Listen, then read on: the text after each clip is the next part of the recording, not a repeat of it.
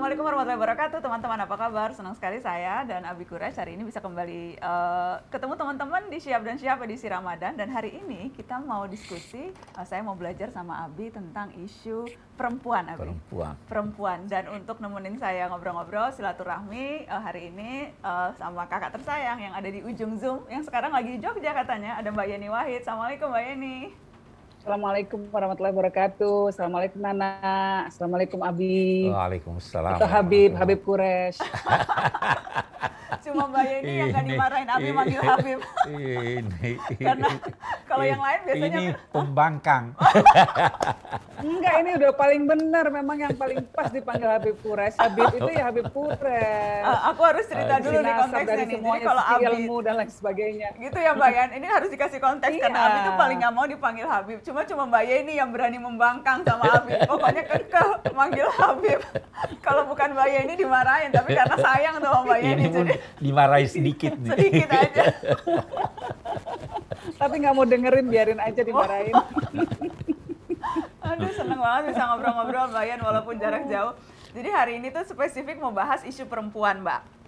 Eh, Iya. aku tahu ini udah sering kita bahas, kita diskusi udah sering, eh, Nana diskusi sama Abi juga udah sering, tapi rasanya memang tidak pernah tuntas kita membahas isu ini karena semakin sering dibahas, semakin banyak juga muncul kesalahpahaman-kesalahpahaman. Aku mau nanya Mbak Yeni menangkap itu juga nggak sih, walaupun jadi aktivis perempuan sudah sejak lama, makin ke sini kalau kita bicara isu gender atau isu perempuan itu makin banyak yang tercerahkan atau makin sulit untuk mematahkan berbagai eh, prasangka-prasangka Mbak Yan? Jadi kalau aku lihat malah ada dua tren. Nah, di satu sisi memang kesetaraan gender menjadi isu yang makin kuat, makin banyak orang punya eh, kesadaran tentang itu, baik perempuan maupun laki-laki. Jadi fenomena ayah asi dan lain sebagainya, suami-suami yang sangat mendukung istri itu fenomena positif. Tapi juga ada juga fenomena yang menurut saya eh, apa namanya justru negatif karena cenderung mengungkung kebebasan perempuan dalam beraktivitas di luar rumah terutama dan banyaknya juga menggunakan kadang-kadang narasi yang berdasarkan eh, dalil-dalil agama yang kadang-kadang kok rasanya dibuat-buat. Jadi sebagai contoh ini mungkin ini Habib Quraisy mungkin mohon pencerahan ya nak. Ini jadi ada sekarang ini ada satu dalil yang sangat luas didoktrinkan gitu ya. Eh, apa namanya? Al jannatu tahta zauj. Nah, padahal apa namanya eh, selama ini kita tahu tahunya bahwa surga di belakang eh, di bawah telapak kaki ibu, bukan di bawah telapak kaki pasangan kita. Nah, tapi ini doktrin yang sekarang sedang meluas ini, eh, Habib Quraisy. Nah, kalau saya pernah tanya juga kepada Pak Nasaruddin Umar, nggak ada itu dasarnya. Nah, ini ini hal semacam ini yang menurut saya Oh. apa ya ada doktrin-doktrin yang dipakai memang untuk eh, membuat perempuan itu tunduk secara superficial eh, apa namanya dan mengekang kebebasan mereka bukan karena alami karena saling menghormati Hmm. bukan karena ingin membangun hubungan yang yang setara harmonis tapi setara Hmm. tapi hubungan yang timpang Hmm, hmm. dan menggunakan narasi agama itu Hmm, jadi Iya. dan kemudian narasi agamanya pun kalau yang dulu kan kita tahu eh, eh, jadi makin ke sini makin variatif begitu ya Mbak dalil-dalil agama yang digunakan ya. Iya dan kayaknya nggak ada dasarnya gitu Aha, aha. Abi, Iya. gimana Abiku? Iya, jadi jadi betul itu sebenarnya istilah yang kita gunakan itu kesetaraan itu sudah Iya. sangat tepat karena kesetaraan itu tidak otomatis berarti sama seluruhnya. Jadi eh, ada ada eh, pekerjaan-pekerjaan, ada fungsi-fungsi yang diemban oleh perempuan yang mustahil diemban oleh lelaki ya melahirkan, menyusukan dan sebagainya. Eh, tetapi sebaliknya ada pekerjaan-pekerjaan yang eh, diemban atau dipikul oleh lelaki yang saya tidak bisa berkata mustahil bagi perempuan, tetapi berat bagi perempuan. Jadi sebenarnya kesetaraan itu menjadikan mereka saling melengkapi. Kalau eh, eh, sendiri saja eh, kehidupan ini akan berhenti.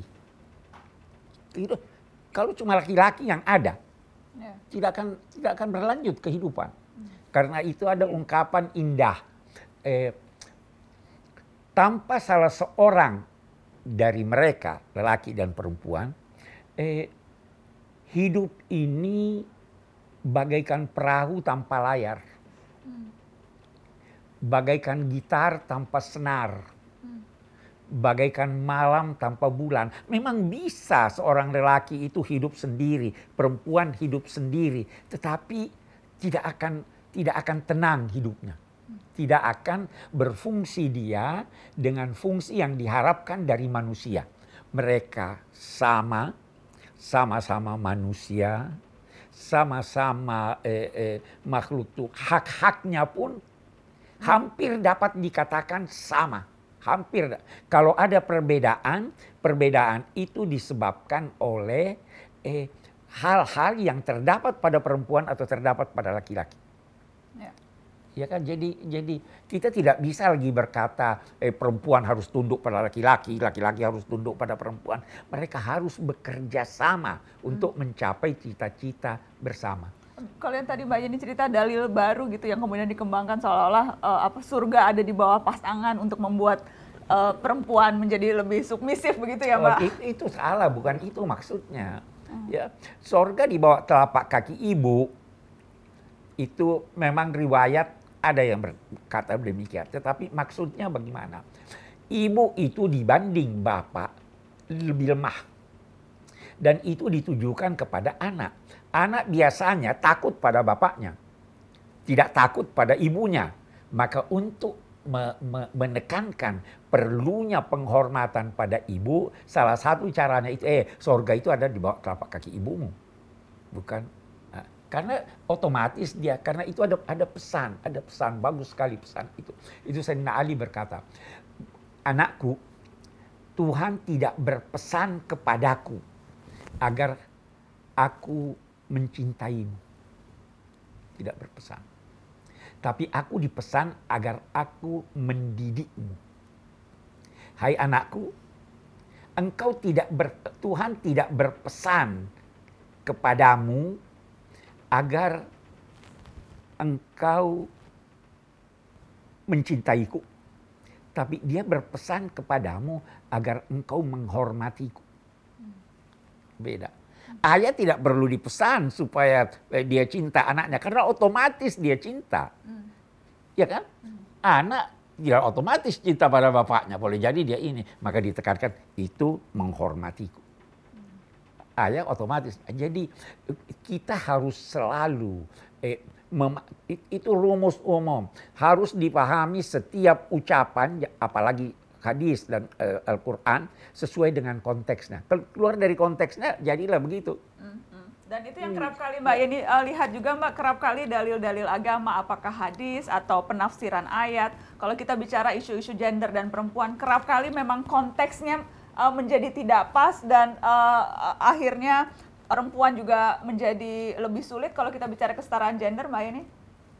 Iya nak, dan padahal itu sebetulnya ironis ya, karena yang sepanjang saya tahu ya ini Abi Kures, justru perempuan dalam Islam itu kan mendapat tempat yang sangat istimewa sekali. Biasa, betul. Bahkan salah satu revolusi yang dibawa oleh Nabi besar Muhammad SAW itu adalah menempatkan perempuan dalam posisi yang setara, Iya. posisi yang bisa mendapatkan eh, apa namanya warisan. Tadinya bahkan bisa diwariskan, tapi sekarang bisa mengklaim warisan. Nah, yang kedua, bahkan dalam Islam ini ada tradisi yang menarik ya, eh, bahwa perempuan tidak perlu mengubah nama belakangnya ketika menikah. Wah, betul. Ini kan ada apa?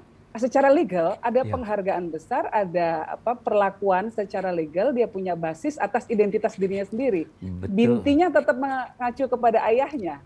Iya. Sementara kalau di barat kita lihat di barat Begitu otomatis kawin namanya nama berubah. suami. Iya, iya. Betul. Islam kan tidak begitu. Betul. Nah, I- ini itu- kan menarik sekali justru. Ya, itu Iya. sebabnya eh, tidak sah perkawinan. Kalau seandainya wali atau ayah menyatakan, kuserahkan kepada anak, padamu anakku. Bukan, dia bukan barang. Kuhadiahkan, kujadikan milikmu. Tidak sah. Yang sah itu kalau kujadikan engkau berpasangan dengan anakku.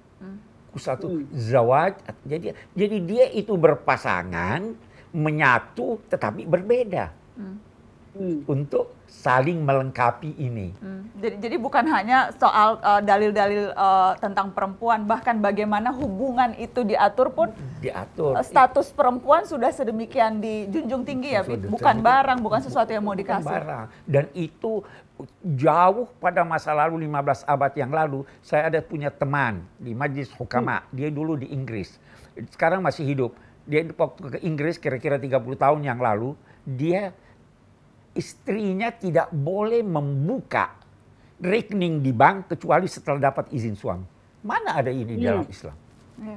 Jadi ah, Betul, di- betul. Iya toh, jadi eh, banyak di di Amerika di Philadelphia dokter pertama itu Elizabeth itu dibaikot karena dia jadi dokter. Yang lainnya tidak mau. Jadi memang pandangan Barat terhadap Islam itu terhadap perempuan itu sangat rendah. Kemudian datang dari Islam ini ajaran-ajaran, mereka lihat loh ini kok beda nih. Maka mereka lantas overacting.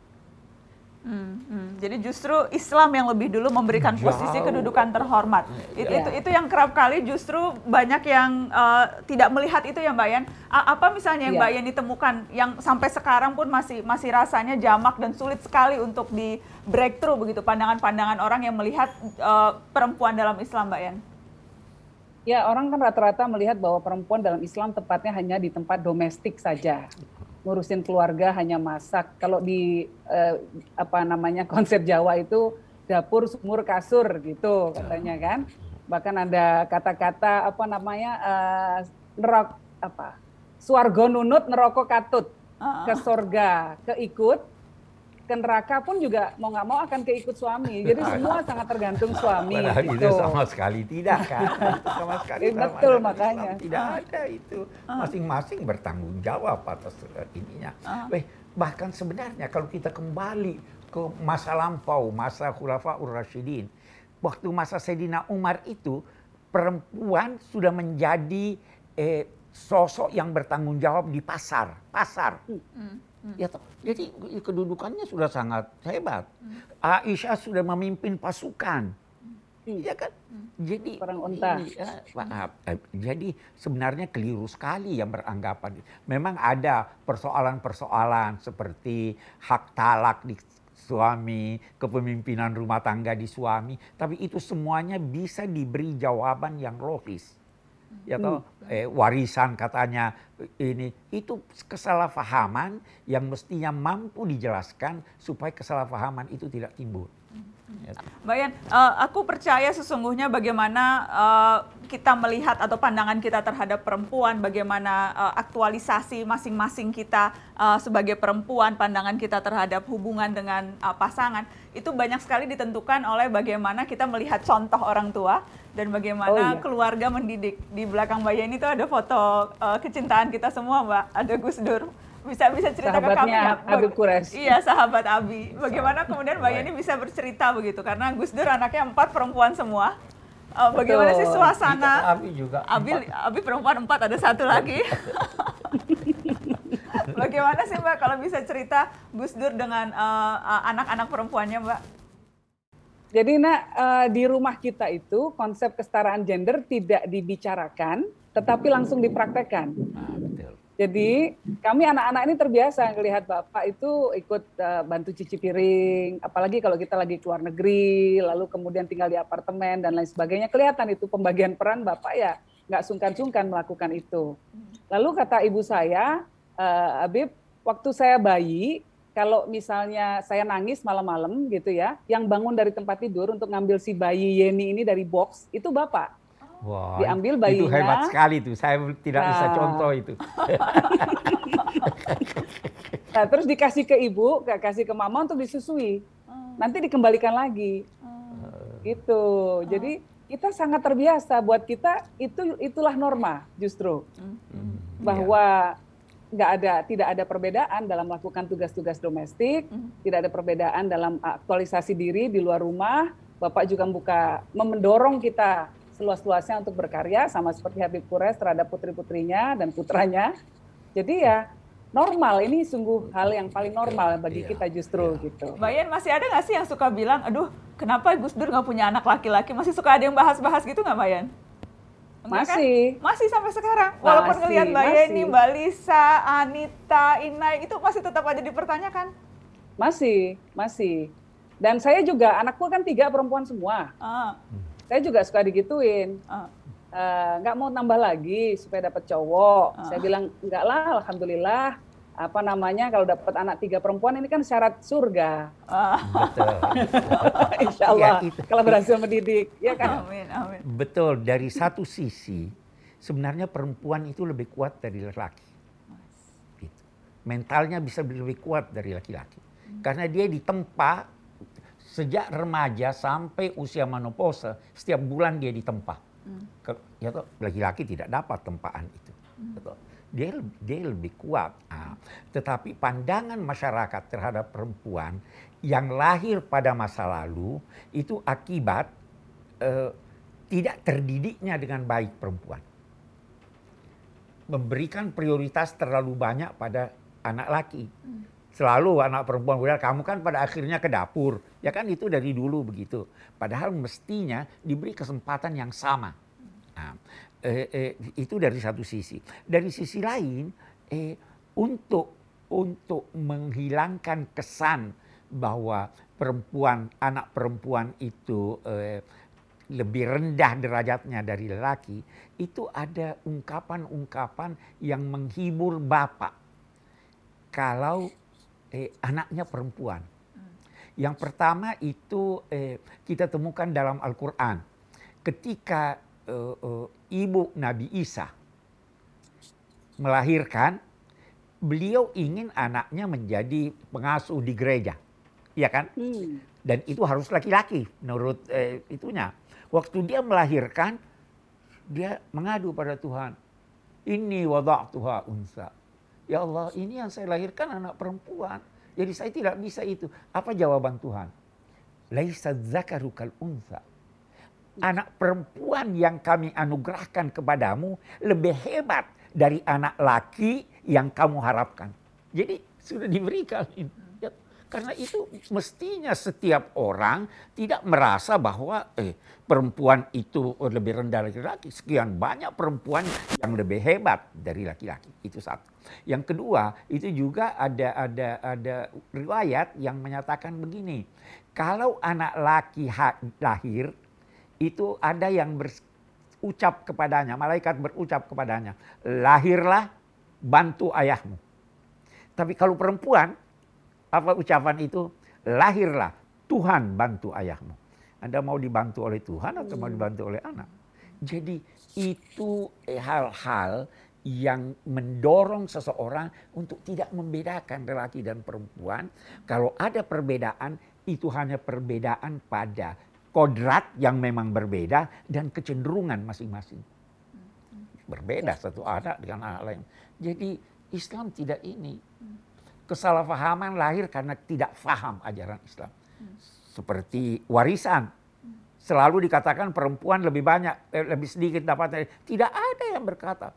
Ada 30 kasus dalam warisan perempuan mendapat lebih banyak dari laki-laki. Atau sama dengan lelaki. Bisa jadi perempuan dapat, laki-laki tidak dapat. Yang berbeda itu menyuruh anak. Yusikumullahu fi auladikum menyangkut anak-anak kamu. Karena memang ada faktor-faktor tertentu, pertimbangan-pertimbangan tertentu. Tapi terkadang ibu dan bapak sama. Ya, jadi orang tidak tidak paham ini. Jadi ketidakpahaman lah yang kemudian mendorong uh, banyak uh, uh, timbulnya persepsi-persepsi yang sayangnya kemudian malah justru dilanggengkan dengan budaya ya Mbak Yan ketika Ah. sudah bercampur tuh budaya patriarki kemudian ditambah oleh pemahaman yang keliru itu yang membuat posisi perempuan terkadang menye- menjadi sulit. Dan satu lagi, sebagian perempuan menerima itu. Nah, Mestinya kan nah mereka itu giat menunjukkan nah, itu itu yang kita mau. Iya Mbak Yan, jadi uh, tanggung jawab juga pada kita perempuan-perempuan ya Mbak Yan untuk tidak pasrah gitu ya. Iya, jadi memang banyak perempuan-perempuan yang terdoktriner untuk menerima posisi di mana mereka diperlakukan tidak setara, Ya, dihalang-halangi haknya dan diterima saja. ya itu. Nah, ini itu. memang PR besar, iya. Jadi ini perlu PR pencerahan terhadap perempuan sebenarnya. Bahwa Betul. agama tidak ini tidak tidak membedakan. Ya toh? Dan dan itu aku tahu dilakukan Mbak Yeni lewat berbagai aktivitasnya. Boleh boleh share ke kami nggak Mbak Yen apa saja aktivitas-aktivitas atau kegiatan-kegiatan yang kemudian memang tujuannya spesifik itu membuat perempuan uh, percaya diri dan tidak tidak pasrah gitu terhadap uh, berbagai uh, perlakuan atau pandangan yang yang cenderung merendahkan kita Mbak Yen. Ya, nak. Jadi eh, kalau dari yayasan kami, eh, BIP, kami punya program namanya Peace Village atau Desa Damai. Ini bekerja sama dengan PBB untuk membuat menciptakan resiliensi atau ketahanan di tengah-tengah masyarakat menggunakan tiga pendekatan yang berbeda. Pendekatan yang berbe yang pertama adalah pendekatan ekonomi. Jadi kita melakukan uh, training ekonomi, memfasilitasi pelatihan-pelatihan dan lain sebagainya. Lalu kemudian uh, yang kedua adalah pendekatan pelatihan tentang uh, toleransi, tentang kebinekaan dan lain sebagainya, berpikiran damai. Nah, yang ketiga komponen yang paling utama ini adalah tentang penguatan perempuan. Penguatan hak-hak perempuan, penyadaran perempuan akan potensi yang dimiliki oleh mereka dan bahwa mereka itu sebetulnya punya punya uh, potensi besar sekali untuk bisa mengubah masyarakat, bukan cuma mengubah dirinya, tapi juga mendidik anaknya supaya lebih baik lagi, lalu kemudian uh, bisa berkontribusi di sekelilingnya. Uh, karena kan dari berbagai penelitian dikatakan bahwa kalau perempuan berdaya secara ekonomi, dia akan lebih banyak menginvestasikan uangnya bukan untuk kebutuhan dirinya saja, tetapi untuk kebutuhan orang-orang di sekelilingnya. Mulai dari pendidikan anaknya, makanan yang lebih bergizi, lingkungan yang lebih baik dan lain sebagainya. Nah, mohon maaf kalau bapak-bapak kecenderungannya tidak terlalu jadi dibandingkan dengan ibu-ibu itu uh, Abib. Ya. Jadi Itu ini berdasarkan penelitian bukan kata saya. Iya. Kalau bapak-bapak Betul, apa betul. lagi di kampung gitu misalnya ya, itu kan misalnya lebih untuk pengeluaran rokok, beli onderdil motor dan lain sebagainya. Nah, jadi Iya, kalau kalau Gitu. kalau perempuan pu- punya uangnya itu lebih nambah telurnya lebih gitu ya, beli tambahan ayamnya Ya. supaya anaknya bisa makan lebih bergizi. Tapi beli make up juga lah. Ya boleh lah. Abi, ya beli jilbab paling sekali-sekali. baru modelnya. Jilbab baru gitu. Iya. Iya. Ta- Intinya, intinya salah satu yang pokok adalah pemberdayaan perempuan yang terpenting mereka tidak merasa lebih rendah dari laki-laki. Ya. Bahwa laki-laki menjadi pemimpin eh, rumah tangga itu bukan berarti bahwa perempuan atau istri otomatis harus mengikuti semua perintah suami. Mereka itu disuruh untuk saling bermusyawarah. Itu kan intinya. Nah, Nah ini biasa, sudahlah kalau sudah suami ini tidak boleh disuruh, ayo siap ini, iya, iya, iya. Saya kira itu tidak benar, tidak mendidik itu. Kita harus Mungkin didik kalau mereka saya lebih bermusyawarah. Mungkin kalau saya boleh eh, kontroversial sedikit ya, Iya. eh, Abib sama Nana ya. Perempuan itu sebetulnya punya tugas peradaban yang luar biasa. Nah, Karena tanpa perempuan, manusia tidak ada kelanjutannya. betul. Karena eh, hanya perempuan yang punya rahim. Ya. Memang teknologi sekarang lebih berkembang, maju, lalu coba diciptakan eh, apa namanya eh, dengan menggunakan teknologi embrio-embrio buatan dan lain sebagainya. Eh, kambing doli sudah bisa Ya. diciptakan dari rahim-rahim buatan, tetapi untuk manusia belum bisa berhasil diciptakan dan mungkin ke depan secara etis juga tidak akan mungkin dilakukan, gitu kan? Ya. Artinya kebutuhan manusia untuk terus ada di muka bumi sangat terbantu, tergantung kepada man- eh, perempuan karena perempuan yang punya rahim. Iya, Sementara sperma dan sel telur bisa diambil secara artifisial, disuntikkan ke dalam rahim. Rahimnya belum bisa di, belum bisa dibuat. iya. Nah, kalau perempuannya mogok, nggak mau ini eh, Habib Kures, kalau tidak didukung gitu ya, yang terjadi akhirnya di Singapura atau di Jepang. Di Singapura perempuannya nggak mau eh, berumah tangga karena atau Jepang juga nggak mau berumah tangga karena mereka merasa begitu sudah masuk dalam eh, dalam ikatan pernikahan mereka sangat dibatasi. Akhirnya mereka lebih memilih single. Hmm. Yang terjadi apa? Penurunan jumlah penduduk.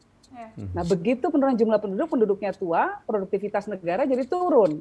Akhirnya jadi eh, terbebani sekali ke depannya nanti gitu karena Iya. usia produktifnya mengecil.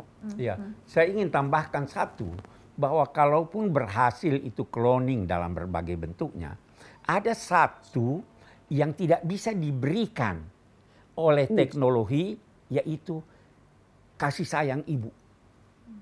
Tidak Hmm. bisa. Itu ya, dan itu sangat perlu untuk perkembangan eh, anak. Kalau teknologi ibunya siapa? Di Robot. Iya kan? Jadi kita nah, itu sebabnya hidup ini tidak akan bahagia tanpa perempuan. Tidak akan bahagia. Perempuan juga tidak akan merasa bahagia tanpa laki-laki. Iya. Ya, ya harus ada kerjasama. Eh, eh, bahagianya itu karena perempuan mendambakan anak. Jangan duga yang yang tidak mau dapat anak itu tidak ada naluri keibuan dalam dirinya. Ah, eh, Laki-laki juga begitu. Nah, jadi sekali lagi kerjasama, kerjasama, saling menghargai. Saya kira itu itu kuncinya di sana. Oke. Oke, Abiku. Mbak Yeni, terima kasih banyak ya, Mbak. banget, iya. Udah iya. udah ngobrol-ngobrol sore ini, Mbak. Iya. Dan Habib mungkin ini Habib perlu kita sadarkan banyak kaum muslimin dan muslimat bahwa orang pertama yang mengikuti risalahnya Rasulullah SAW adalah seorang perempuan. Perempuan, seorang perempuan. Betul. Iya. Betul. Betul. Betul. Jadi kalau kita bicara keistimewaan perempuan nggak ada habisnya ya, Mbak Yan? Oh ya, enggak ada habisnya. Kayaknya begitu. Apalagi perempuan kayak Nana. Aduh. Mbak Yeni dan Super semuanya. istimewa. Amin, amin, amin. Oke, Mbak Yeni, thank you banget, makasih, Makasih, banget makasih. udah Makasih. udah bareng sama Syihab-Syihab sore ini. Salam semua buat keluarga ya, Mbak. Terima kasih atas ilmunya Habib Kures. Makasih. Terima kasih Nana. Masih Habib juga. untuk kangen-kangenan. Nggak akan pernah Tetap, pokoknya ya, saya tetap pasti. sampai terus terpatri dalam diri masyarakat. Harus Habib Kures ini harus saya. Oke Nana, pamit dulu. Assalamualaikum warahmatullahi Teman-teman, terima kasih sudah bergabung di Syihab-Syihab sore ini. Kita ketemu lagi insya Allah di episode berikutnya. Assalamualaikum warahmatullahi wabarakatuh.